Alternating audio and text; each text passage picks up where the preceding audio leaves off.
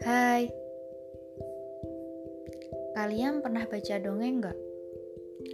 Atau mungkin dibacain dongeng sebelum kalian terlelap dalam mimpi indah?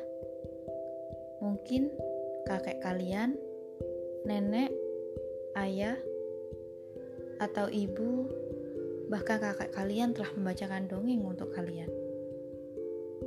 Nah, begitulah hidup hidup itu seperti dongeng. Namun, setiap dongeng memiliki kisah yang rampung. Berbeda dengan dongeng kita,